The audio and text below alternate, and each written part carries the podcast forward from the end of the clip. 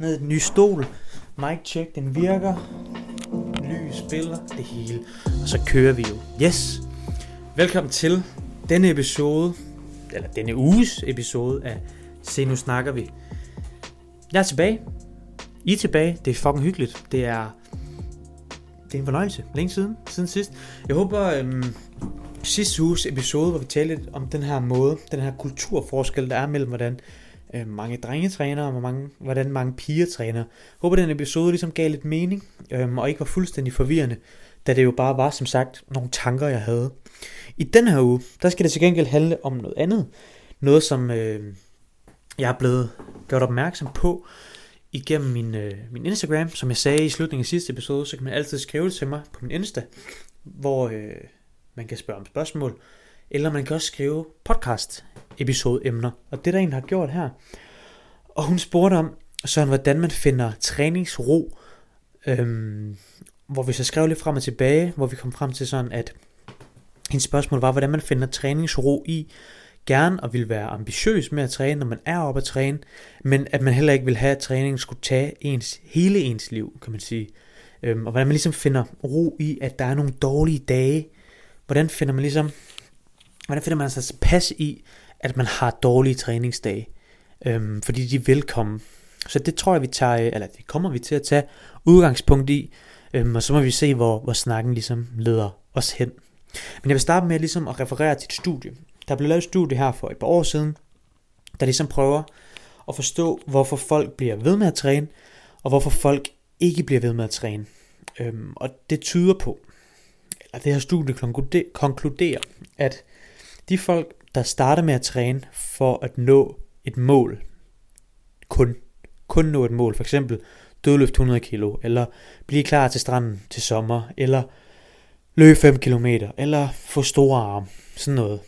De folk, der kun sådan starter med at træne, og ikke udvikler deres målsætninger i løbet af tiden, de har en større tendens til at stoppe med at træne igen, enten hvis de når deres mål, fordi hvorfor skal de så træne ekstra eller mere, eller stop to, på grund af, at de ikke når deres mål. Så det tyder faktisk på, lige meget hvilken situation man er i, så kan målet faktisk være en smule forhindrende for at fortsætte med at træne. De folk, der så var i studiet, der fortsatte med at træne, det var dem, der ikke var lige så målorienterede. De havde selvfølgelig stadigvæk nogle mål. Det kan være, de havde de samme mål. Men det, det der drev dem, var ikke kun det her med at have et mål om at nå noget meget specifikt. Altså have et mål om at bænkpres 80 kilo, eller bænkpres 100 kilo, eller de der meget konkrete mål, få sixpack. De der meget låste mål, men dem der fortsatte, det var mere det her. Både at have de her mål, men også at være procesorienteret. Det vil sige, at man ligesom har øje, øje for, at tingene tager noget tid, men at man også har en målsætning om, målsætning er dårligt valg, men man også har en idé om, at træning ikke kun er at nå sit mål, men det også er at blive god til at træne. At det simpelthen også, også er værd at træne for at blive bedre til at træne. Øhm, fordi det er jo et, et lidt mere sådan udefinerbart mål. Og, og det man kunne se i det her studie, det var også, at det tydede på, at når man så blev det her procesorienteret, så var det længerevarende. Altså så kunne man i længere tid blive ved med at træne, fordi man egentlig gik til træning med, jeg skal bare blive bedre i forhold til mig selv, øhm, og det kan jeg blive ved med for evigt jo. Man kan altid forsøge at blive bedre og bedre til, hvor man står, hvor hvis man er meget målbevidst og målorienteret og ikke procesorienteret, så når man kan løfte 100 kilo, så kan man løfte 100 kilo, så at sige. Øhm, så har man ligesom gjort det i hvert fald. Og det var sådan tit den helt store forskel. Og det var også en af grundene til, hvis man så faldt fra, så kunne man jo igen godt prøve at blive procesorienteret. Men hvis man allerede havde været målorienteret, så kunne det være sværere at komme i gang. Dermed ikke sagt, at det var umuligt at komme i gang med at være øh, procesorienteret. Men det tyder sig simpelthen på, at det har noget mening at være procesorienteret i sin træning, fordi mål er en flygtig størrelse, men proces er en sådan kontinuerlig og dynamisk størrelse, som der altid kan udvikles på. Og det tror jeg er et af mine bedste råd til, hvordan man finder træningsro det er simpelthen at, at acceptere, at målet i sig selv ikke er at nå et eller andet meget konkret mål om at se godt ud til sommer, eller sådan noget, eller have sixpack til sommer. Men et mål i sig selv kunne være at blive bedre til det, man laver, og få en, en følelse af selvbestemmelse over for det, man laver, og en grad af autonomi, så man ligesom selv kan mærke, at jeg bliver bedre og bedre til det, jeg gør. Fordi så bliver det også skide motiverende at tage ned og træne, og blive ved med at tage ned og træne, fordi man føler, man har medbestemmelse, man føler, man er kompetent til det, man gør, og man føler ikke, man er dårlig til det, man gør. Fordi så selvom man ikke kommer helt i mål med den målsætning, man måske også har, selvom man er procesorienteret, så kan man stadigvæk zoome lidt ud op i helikopteren og se, men jeg er i hvert fald blevet bedre til det, jeg har gjort. Så kan det godt være, at jeg ikke havde præcis den sixpack, jeg gerne ville have også. Men jeg kan i hvert fald se, at jeg er blevet bedre til at træne, mens jeg prøvede at få den her sixpack. Så hvis man kan acceptere, at processen er en lige så stor del, hvis ikke større del af at træne, så er man virkelig langt, hvis man kan, kan ligesom, hvis man kan det faktisk bare. Hvis man kan forstå, at processen er meget vigtigere end selve målet. Og hvis man skal prøve at perspektivere til det, så kan man jo sige, okay, jeg har et mål om at bænke 100 kilo. Hvis man så starter på 70 kilo, så kommer der til at være rigtig mange gange, man bænker, inden man når de 100 kilo. Og det er jo hele processen op til at bænke de 100 kilo. Og så er der måske en gang, du bænker 100 kilo, og så har du nået dit mål. Men hvis du er ambitiøs med din træning, så hvis du har nået dit mål med de her 100 kilo, så er det helt sikkert, at næste gang du er oppe at træne, så hvis du får 100 kilo igen, så vil du ønske, du havde fået 102,5, eller du vil ønske, du havde fået 105. Så så der kan det godt skabe en eller anden form for sådan meningsløshed at, at træne, hvis du kun er målspecifik eller målorienteret, i stedet for at være procesorienteret.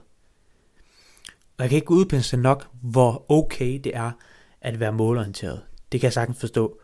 Men prøv at inkorporere noget procesorienteret også. Altså at du simpelthen tænker over, at du gerne vil blive god til det, du gør, og du godt kan lide det, du gør, og du gerne vil føle, at du er noget værd i det, du laver. Øhm, så du ikke går bonger dig selv i hovedet med, at du er dårlig til det, du laver, bare fordi du ikke når dit mål. Det er mit absolut bedste råd til at finde noget træningsro på de dage, hvor man ikke, altså, hvor det ikke kører for en. Fordi vi har alle sammen dage, hvor det fucking ikke kører, og alt føles tungt, alt føles off. Men hvis man kan zoome ud og sige, lidt ligesom jeg sagde sidst, de 10 dårlige procent definerer ikke, hvem du er.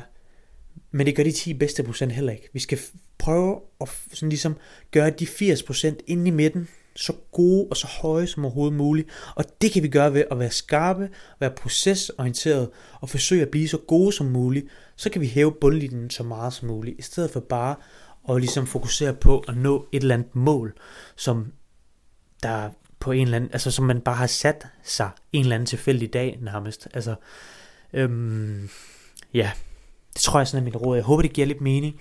Øhm, at det handler simpelthen om at blive god til det, du laver, så skal du nok komme i mål alligevel, i stedet for bare at nå dit mål, fordi så kan det måske skabe en eller anden grad af menings, meningsløshed. Meningsløshed. Hvad fanden hedder, hvad fanden, hvad fanden hedder det ord? Meningsløshed. Meningsløshed, tror jeg det hedder. Øhm, håbløshed. Ja, yeah, you get it. Godt. Jeg tror, jeg giver mening. Øhm, og så vil jeg sige, at jeg sidder jo her i uh, Naturlig Atletes trøje. Man kan gå ind på Naturlig Atlet og, øh, og købe deres tøj og bruge øh, rabatkoden Jakub10 med caps, og så kan man få 10% af sine ordre. Det vil være nice.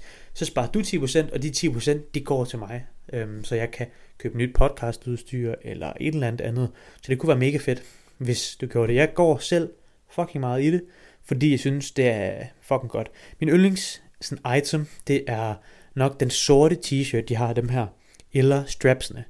Det er nok det, jeg går allermest i. Øhm, strapsene er virkelig også nice, dem kan jeg godt lide. De er sådan meget korte, i stedet for de lange, normale straps.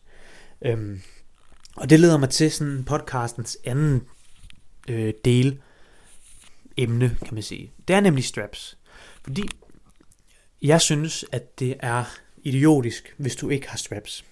Forstået på den måde, at straps er helt vildt effektive for helt vildt få penge.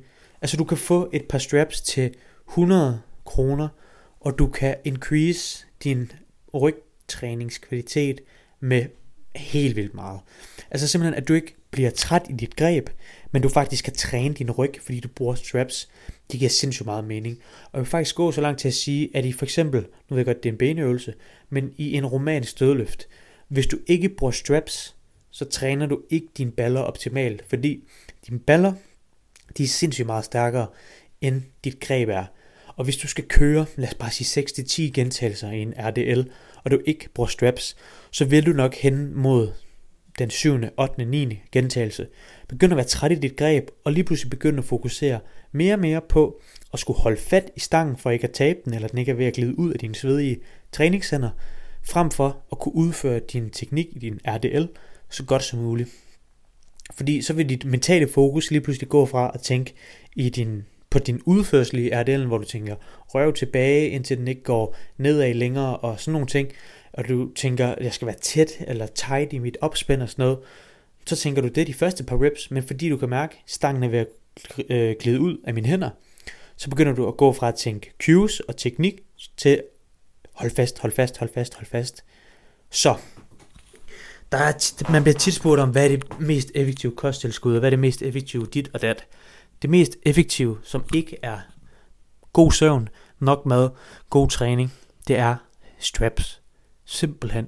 Fordi, som jeg har nævnt lige før, hvis du ikke allerede har glemt det, så er strapsene bare helt vildt billige for helt vildt høje effekter.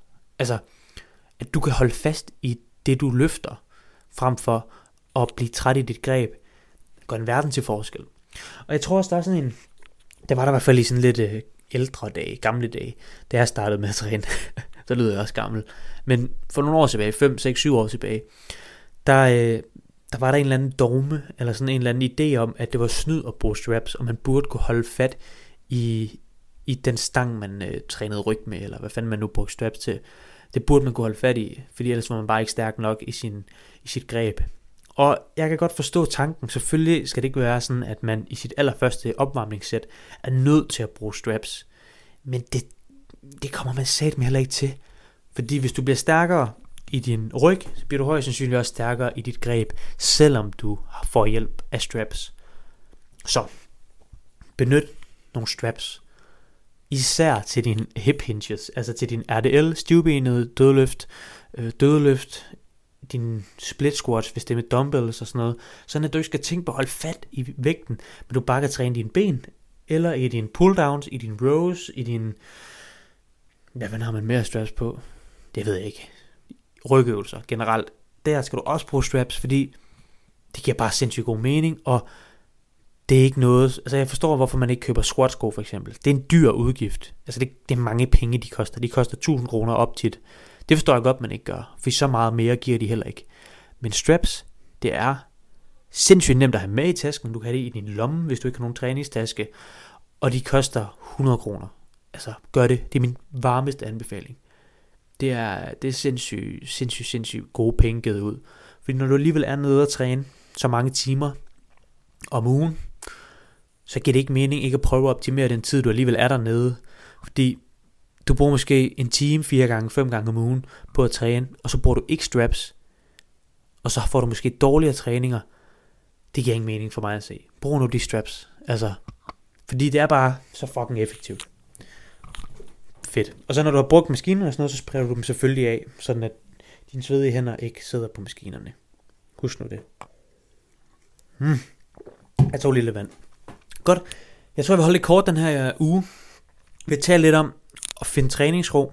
Det vil sige, eller mit bedste råd er, at være procesorienteret og acceptere, at man ikke er perfekt hele tiden. Så det vil sige, i stedet for at fokusere på dit mål hele tiden, så fokusere på at blive bedre og bedre, så skal du nok rykke dig tættere på dit mål alligevel. Og så skal du bruge nogle straps. Brug simpelthen nogle straps, fordi det er gode penge givet ud. Apropos gode penge givet ud, nej, jeg laver, jeg laver ikke den.